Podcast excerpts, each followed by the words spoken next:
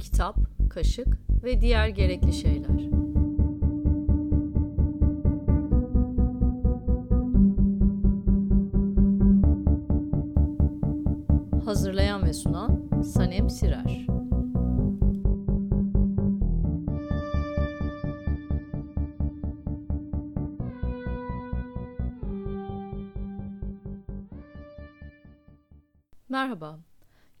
Kaşık ve diğer gerekli şeyler Umberto Eco'ya ait bir alıntıdan ilhamla yola çıkıyor. Kitap tıpkı kaşık, çekiç, tekerlek veya makas gibidir. Bir kere icat ettikten sonra daha iyisini yapamazsınız. Bir kaşıktan daha iyi olacak bir kaşık yapamazsınız diyor Eko. Kitaplardan kurtulabileceğinizi sanmayın da. Bu podcast'te her hafta kitaplara emek veren, kafa yoran konuklarla belli konular etrafında ve elbette ki kitaplar ekseninde sohbet edeceğiz. İlk konuğumuz değerli çevirmenimiz Seda Ersavcı. Merhaba Seda. Kırkı aşkın metninle bugün çeviri edebiyatta en üretken isimlerden birisin. Seni yeni tanıyanlar için kısaca kendinden bahsedebilir misin? Merhaba. Öncelikle davetin için çok teşekkür ederim. 1982'de Ankara'da doğdum. Ee, Ankara Üniversitesi Tarih Coğrafya Fakültesi İspanyol Dili Edebiyatı mezunuyum. Ee, ondan sonra Barcelona'da, Üniversitede Autonoma de Barcelona'da karşılaştırmalı edebiyat ve edebiyat teorisi yüksek lisansı ve doktorası yaptım. İngilizce ve İspanyolcadan çeviri yapıyorum. Çift dilli bir çevirmensin. Evet. Kaç kitabın oldu? Ee, şu an 44. kitaptayım. Çevirmenliğinin yanı sıra ben seni tutkulu bir okur, bir bibliofil olarak biliyorum. Okuma mesaisiyle çevirmenlik mesaini nasıl bağdaştırıyorsun? Ya da bir başka deyişle okuma mesain çevirdiğin kitaplara nasıl yansıyor? Sana ışık tutuyor mu? Sence iyi bir çevirmen, iyi bir okur olmak zorunda mı? Zorunda demeyeyim e, ama kendi adıma okurken çevirmenlikle ilgili çok şey öğrendiğimi söyleyebilirim. Benim için ikisi de birbirini besliyor. Mesela kelime dağarcığınız genişleyebiliyor. Veya çok hoşunuza giden bir ifade görüyorsunuz ve onu doğru yerde kullanmak üzere aklınızın bir köşesine yazabiliyorsunuz. Bütün bunlar bir yana diliniz açılıyor. Tabii ki her zaman istediğiniz kadar çok okuyamayabiliyorsunuz ama yine de çok önemli olduğunu ve okumanın insanı her anlamda zenginleştirdiğini düşünüyorum. Birkaç sene önce 30. çevirini kutlamıştık sanırım. Javier Marias, Yarın Savaşta Beni Düşün. Ee, biz beraber de çalıştık. Aynı ofis ortamını paylaştık. Ben seni son derece e, üretken, seri çalışan, e, titiz bir çevirmen olarak tanıyorum. E, bize biraz ilk başladığın zamanlardan bu yana işte çeviri macerandan, e, o süreçten bahsedebilir misin? Evet, çok teşekkür ederim öncelikle. Beni çeviriye yönelten insanlardan biri de Enifer Savcı'dır. Buradan ona da teşekkürlerimi göndereyim. Ee, teknik çeviriyle başlamıştım. Teknik çeviri maddi anlamda insanı doyuran bir iş aslında ama manevi anlamda bana yeterince tatmin edici gelmedi. Edebiyat çevirmek istiyordum. Biraz sıkıcı galiba. Yani benim için sıkıcı hani o işi sevenler de vardır eminim Tabii. ama beni geliştirebildi yani beni geliştirdiğini düşünmemiştim ben hmm. teknik çevirinin. Bir süre sonra tekrara da giren bir şey oluyor. E, bir de kitapları çok sevdiğimden edebiyat yapmak istedim. E, Guillermo Arriaga'nın Gece Bufalosu adlı bir kitap çevirmiştim ilk olarak. İspanyolcadan da. Hmm, çevirmenliği çok seviyorum. Çok da zor bir meslek olduğunu düşünüyorum. Gerçekten çok sancılı buluyorum. Ama kendimi başka bir iş yaparken de hayal edemiyorum. Peki bilhassa yakın hissettiğin, senin sesinle iç içe geçtiğini düşündüğün yazarların ya da belli metinlerin var mı çevirdiklerin arasında? Yani, kitaplarımı birbirinden çok ayırmak istemiyorum ama özellikle Javier Marias, Valeria Luiselli ve Enrique Villamatas'la farklı bir bağım var diye düşünüyorum. E, bunun dışında metin bazı konuşursak Geoff Dyer'ın Bir Hışımlası, e, Ernan Ronsino'nun Raydan Çıkan Trenleri yine özel bir bağ kurduğum metinler. Bir de henüz yayınlanmayan bir metin var. Max Aub'un Manuscrito Cuervo diye karganın el yazması olarak çevirebiliriz evet. adını. Onunla da çok özel bir bağım vardı. Raydan çıkan trenler bu o, yeni yayınlanan Galiba en son yayınlanan çevirilerinden biri. Evet. Değil mi? evet en son yayınlanan zaman. çevirinin hangisi? En son yayınlanan Patti Smith Adanmışlık, Adanmışlık. sanıyorum. Evet. Ee, örnek aldığın çevirmenler var mı? Ee, Roza Hakmen'e ve Ahmet Cemal'in bu işe verdiği emeğe çok hayranım. Ee, son zamanlarda okuduğum metinler arasından çevirisine çok bayıldığım birkaç tane var. Onları e, söylemek isterim. Begüm Kovulmaz'ın Doğan kitaptan çıkan Söyle Hayalet şarkını söyle çevirisi. Aydın Ünçer'in Siren yayınlarından çıkan Birat Bara girmiş çevirisi. Ve Burcu Uluçay'ın Çınar yayınlarından çıkan Manken çevirisi beni çeviri anlamında gerçekten etkilemiş e, metinler. Edgar Keret'in bir sözü var. E, iyi çevirmenin ninja gibi olması gerektiğini söylüyor. Ne anlamda? Odadaki varlığını hissedersen e, o zaman işte e, metin dağılır ve o, o zaman onu işte öldürüyorsun galiba ninja'yı ne yapıyorsun bilmiyorum ama. Burada ne kastettiğini anlıyorum ama ben şahsen e, çevirmenleri has özel bir takım dokunuşlardan hoşlanıyorum. Her hepsinden değil elbette ama sevdiğim çevirmenlerin e, sesine özgü bir takım şeyleri metnin içinde duymaktan hoşlanıyorum. E, sen bu konuda ne düşünüyorsun? Zor bir konu çünkü. E, sence çevirmenin sesini ne kadar işitmeliyiz ya da işitmeli miyiz? Böyle bir şey var mı çevirmenin? Özgürlüğü var mı? Yani çevirmenin sesi meselesi gerçekten biraz zor bir konu ama ben çevirmenin sesinin yazarın sesinin önüne geçmemesi gerektiğini düşünüyorum. Bununla da yazarın üslubuna müdahaleyi kastediyorum. Yani hı hı. üsluba müdahale edilmediği sürece bence çevirmenin sesini duymamak gibi bir şansımız yok. Çünkü siz bir metin aktarıyorsunuz ve yani bir dinden başka bir de bir dile çevirip kendi sesinizle aktarıyorsunuz aslında. Dolayısıyla illaki çevirmenin sesini duyduğumuzu düşünüyorum ben. Ee, sadece üsluba müdahaleyi doğru bulmuyorum. Onun dışında o sesi duy duyuyoruz gibi geliyor bana. Peki sadakat için ne diyeceksin? Çeviride sadakat yani bunu sorarken yaratıcılığa nedenli açık bir şey olduğunu sormak istiyorum sanırım çevirinin. Bir edebi bir metni bir dilden bir başkasına aktarırken burada özgürlüklerin neye göre belirlendiğini, bu konuda senin ne düşündüğünü öğrenmek istiyorum. E, ben çevirmenliğin hem bir yazma hem de aktarma işi olduğunu düşünüyorum.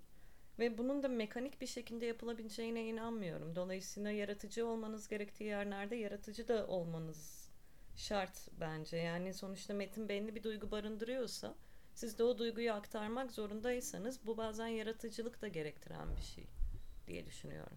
Biz e, kalabalıktaki yüzleri sen çevirirken e, bir dönem Siren'in ofisinde de çalıştık. Yani e, çalıştık derken haftanın belli günleri sen buraya geliyordun.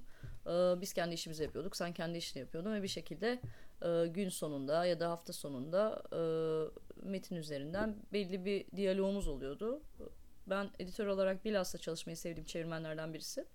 Ee, ve gördüğüm kadarıyla çevirinin ham versiyonunu hızlıca tamamlayıp e, birkaç defa üzerinden geçip bir de kağıt üzerinden okuyorsun metni. Bu editörlük geçmişinden dolayı sana miras bir özellik mi yoksa gerçekten çeviri sürecine ait bir alışkanlığın mı ya da editörlük geçmişin çevirinde seni nedenli yönlendiriyor, yönetiyor onu bilmek istiyorum. Çünkü bu ikisi çok farklı şeyler. Her zaman insanlar anlamıyor oradaki farkı ama e, bir metni düzeltmekle bir metni çevirmek arasında e, büyük bir fark var.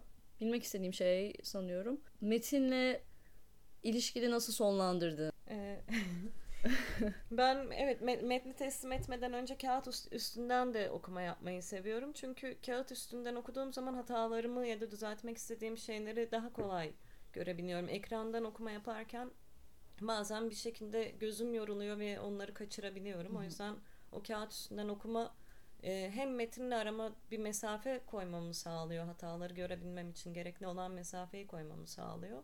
Hem de e, ekranda kaçırdığım şeyleri görebilmemi Yalnız, olanak dediğim gibi. Burada kağıt derken dizilmemiş metinden bahsediyoruz. Tabii evet yani. çıktı alıp Word, Word'un çıktısından evet. ki bu, bu da aslında oldukça zor bir şey A4 üzerinden okumak. Okuyanlar bilir evet.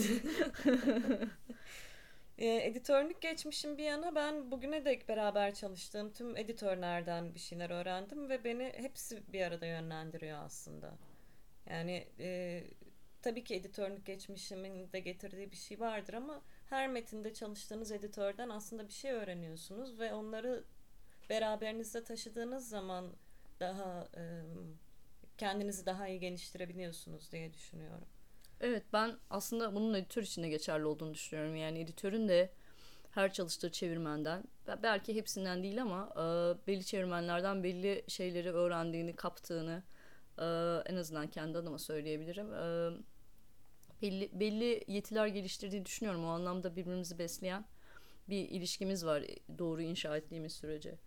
Evet en azından öyle olması gerekiyor. Umut ediyoruz. Metinle vedalaşırken de çok e, heyecanlanıyorum. Her seferinde heyecanlanıyorum. Hala heyecanlanıyorum ve hala kaygılanıyorum. Yeterince iyi olup olmadığı kaygısını taşıyorum. Basıldığı zaman? Basıldığı zaman da aynı şekilde. Basıldığı zaman yani o basılı kopyayı elime almanın heyecanı çok başka bir şey oluyor. İlk Basılı metni okuyor musun? Baştan sona okumuyorum. Göz Ama atıyorsun. göz atıyorum evet. Valla 44 kitap diyorsun. Bu o, inanılmaz bir bir sayı. Ee, yaşından fazla çevrilmiş kitabım var. Ee, çok çok güzel bir şey. Ee, bu ara e, klasiklere yönelik bir talep, e, yayıncılarda da o talebi karşılamaya dair bir azim söz konusu. Sen de fark etmişsindir. İşte bilhassa Zweig'la başlayan e, ve sonrasında işte diğer klasik edebiyatın klasikleşmiş eserleriyle devam eden bir furya bu ve her yayın evi kendi e, çevirmenleriyle, kendi edisyonlarıyla e, bunun içinde yer alıyor az çok. He, hemen hemen her yayın evi diyelim. Sen e, pek yakın durmuyorsun bu tarz çevirilere. Bunun sebebi var mı? Sebebi nedir? E, ben çok istisnai durumlar dışında daha önce çevrilmiş bir metni çevirmek istemiyorum. Çünkü bu beni başka türlü bir strese sokuyor. Kendimi yarışa sokulmuş gibi hissediyorum. Kıyaslan, kıyaslanıyormuş gibi hissediyorum. Ya da yani kıyaslanacakmış gibi hissediyorum ve e, o işe girmek istemiyorum gerçekten.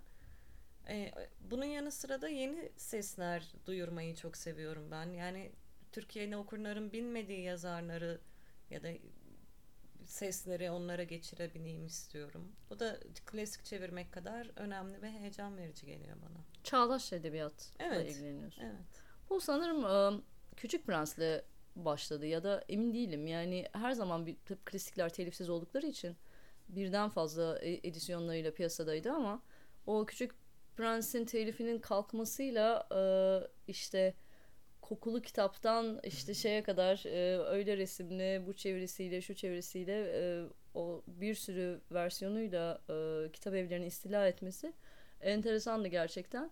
Bilmiyorum şimdi ben de ilgiyle izliyorum bu e, e, değişik bir şey açıkçası yani içinde bulunduğumuz zamanda e, ge- geleceği tahmin etmeye, geleceği öngörmeye çalışırken e, böyle bir klasiklere e, rağbet ortamı oluşması e, ilginç, her anlamda ilginç. Neyse konuşuruz bunu sonra tekrar. Okur olarak e, bilhassa sevdiğin, kendine yakın gördüğün e, klasikleri soracağım. Çünkü şimdi burada klasikleri kötülemiş olmayalım. Elbette ki klasikleri seviyoruz. E, senin sevdiğin, e, kendine yakın bulduğun, okumaktan hoşlandığın klasikler neler var mı bu bunların arasında e, özel olanları var mı? Dostoyevski benim için en özellerinden birisi. İlk okuduğum zaman gerçekten dünyam değişmişti. Aklımı başımdan almıştı. Bütün Dostoyevski kitaplarını okumuştum o zaman çıkan. İlk neyi okumuştun hatırlıyor musun? Ee, Suç ve Ceza'yı okumuştum. Ceza. Kaç yaşındaydın?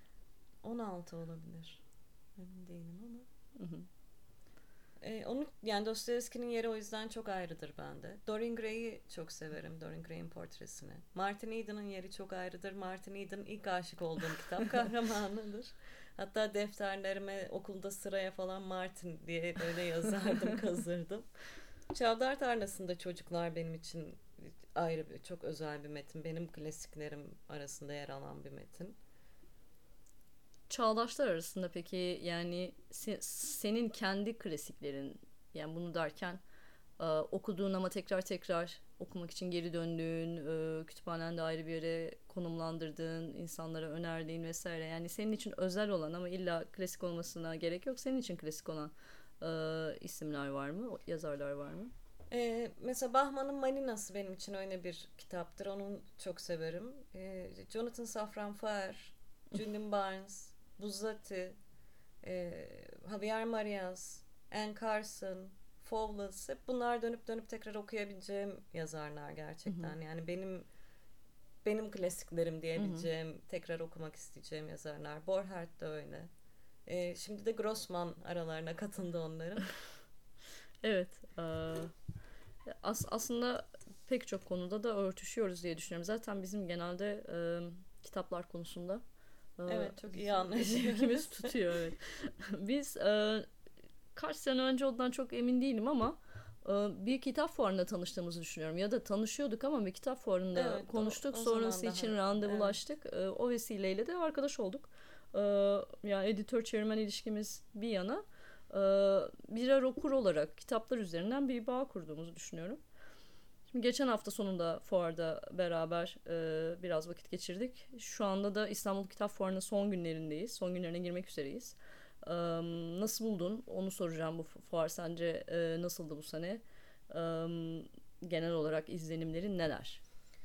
E, cumartesi gününü biraz sakin buldum ben. Ama yani fuar beni genel olarak çok heyecanlandıran bir şey oluyor. Cumartesi sabahı fuara geleceğim diye altı buçukta kalktım mesela. Ve yani gerçekten çok az şey için sabahın o saatinde o kadar heyecanlı bir şekilde yataktan çıkarım. Karşıdan Anadolu yakasından evet, geliyorsun. Evet metrobüsüne geliyor. E, yani fuarı e, çok seviyorum ben. Orada hep beraber olmayı seviyorum. İşte senede bir defa görebildiğim insanlarla sohbet edebilme imkanını seviyorum daha önce hiç bilmediğim kitapları kitaplarla tanışma imkanı yakalamayı çok seviyorum. Yani fuar bana büyüleyici geliyor gerçekten de. Yani bütün sene sanki o günü bekliyormuşum, fuarın başlamasını bekliyormuşum gibi oluyor. Ya gerçekten de e, birçok arkadaşımızı orada görüyoruz. Yani evet. çok büyük bir sektörel buluşma gibi sanki. e, herkes birbiriyle e, temas kuruyor. Bilmiyorum bizim için biz sadece İstanbul Kitap Fuarı'na katılıyoruz ee, ve o yeterince yoruyor bizi şu anda. Şu anda katıldığımız tek fuar İstanbul. Keşke daha fazla fuara katılabilsek. Ee, ama e, ben de yani bir fuar ilk başladığında ilk ilk gün sudan çıkmış balık gibi hissediyorum kendimi. Bütün seneyi masa başında çalışarak geçirmiş insanlar olarak e, cumartesi galiba 48 bin kişi gelmiş öyle dediler. Ee, o kalabalık, o ses, o gürültü, uğultu insanı bir şaşırtıyor, bir şaşkınlığa uğratıyor ama işte senin de dediğin gibi arkadaşları görmek, orada fuardan fuara görüştüğün o kadar çok insan var ki bu sadece çalışanlar değil okurlar da arasında. Yani her sene gelen e, sohbet ettiğim birkaç e, kısa ayaküstü de olsa birkaç bir şey söylediğin e, bir sürü bir sürü insan var, bir sürü tanıdık yüz var. O anlamda güzel bence de e, çektiğimiz yol çilesine diyelim değiyor. Peki e, bu yıl okudukların üzerinden fuara gidecekleri ya da gitmeyip kendine kitap alışverişi yapacakları, tavsiye edeceklerin, e, yeni keşiflerin var mı? Ya da fuarda mutlaka uğrayın dediğin yayın evleri hangileri? Ee, biraz bara girmişi çok sevdim ben. Söyle Hayalet şarkını söyleyi çok sevdim bu sene okuduklarım içinden. Yapı Kredi'den çıkan insan dengesini çok sevmiştim. Bir de yine Yapı Kredi'den çıkan mahcubiyet ve haysiyet çok sevdim. Çınar yayınlarından çıkan Manken'i çok sevdim.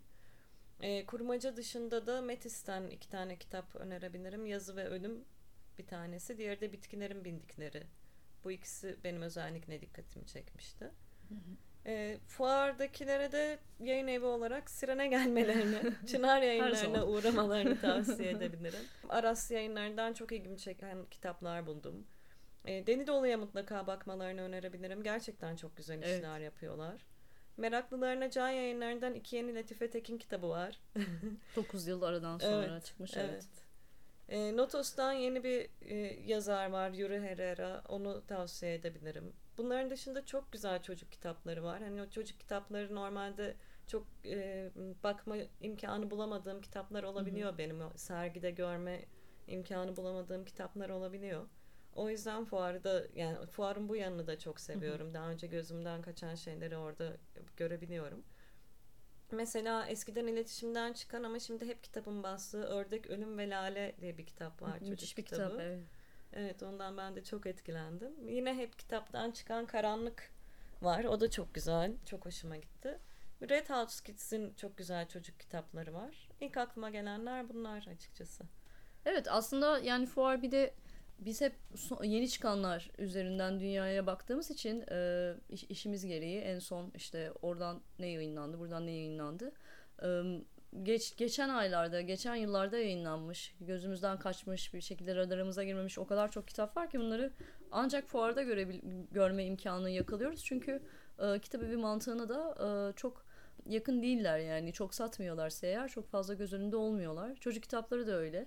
E, benim açıkçası kişisel olarak e, neredeyse yabancı olduğum bir alan ama çok, çok seviyorum. Can Çocuk'ta da çok çok güzel kitaplar var. Um, çok çok güzel şey, bir, bir, bir sürü yerde çok güzel şeyler var. Uh, fuarda işte yani o fırsatı bulduğun anda yani uh, biraz dolaşıp uh, kitap karıştırabildiğin anda yani satın almayla alakalı değil ama algıyla alakalı bir, olarak bir aydınlanma söz konusu evet, oluyor bir yani. hazine keşfetmiş Evet yani bir, kim ne yapıyor, kim ne yapmış. Yani bir yayın evinin um, kendi beyanının ötesinde kitaplarına bakarak kaygılarının ne olduğunu, nasıl bir yayıncılık üslubu güttüklerini vesaire bunu bunları ancak o şekilde anlıyorsun. Ee, yani bu, bu anlamda da çok e, faydalı olduğunu düşünüyorum.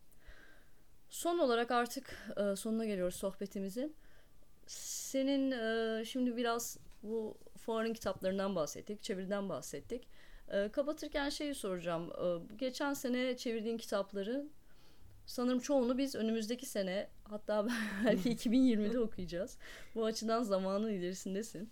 Ee, biz geriden gelen okurlara önümüzdeki sene senin imzanla tabii sakıncası yoksa açıklamanın neler okuyacağımızı, neleri sabırsızlıkla beklememiz gerektiğini veya söyleyebilir misin? Tabii ki. Ee, Çınar yayınlarından iki yeni çevirim çıkacak. İkisi de Arjantinli kadın yazar. Bir, ta- bir birisi Geber Aşkım diye bir kitap. Yazarı Ariana Harvis. Daha çok annelik ve evlilik üzerine oldukça da karanlık bir metin. Annelik ve evlilik. Evet. Hı hı. Ee, diğeri de bir distopya. Ee, adı Leziz Kadavralar olabilir. Hı hı. Ee, bunda da hayvanlara insanlar için ölümcül, olan, ölümcül olan bir virüs bulaşıyor ve insanlar tüm hayvanları ortadan kaldırmak zorunda kalıyor. Dolayısıyla da et yemiyorlar. Ee, bir süre bununla idare ediyorlar ama sonra et yemeyi özlediklerini fark edip yemelik insan yetiştiriyorlar. Bu da böyle bir kitap. Ee, Kırmızı Kedi'den Max Aub'un yazdığı Karganın El yazması çıkacak. O da bir karganın gözünden toplama kamplarını anlatıyor. Evet bunu çevirirken bahsediyordun bu metinden. Evet, çok, çok etkileyici olduğundan. Evet. Ben de bunu merakla bekliyorum. Can yayınlarından Bolanya'nın öyküleri çıkacak. Hı hı. Bir de Siren yayınlarından Valeria Luiselli'nin yeni romanı gelecek. Ee, Bolanya'nın öyküleri daha evvel e, iki tane Bolanyo kitabı yaptın değil mi? Evet. Hangileri? romanla Monsieur Pen. Monsieur Pen. Valla e, çok teşekkürler Seda. E, ilginç bir sohbet oldu.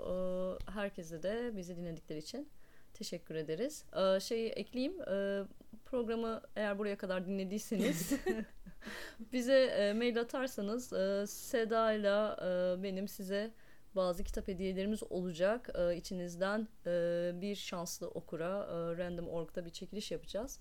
E, Seda'nın çevirilerinden e, birkaçını bu kişiye hediye edeceğiz. E, e-mail adresimiz merkezkumanda.gmail.com Bu ilk podcastimizde bir hatamız olduysa affola. E, dinlemede kalın. Teşekkür ederiz. Teşekkürler.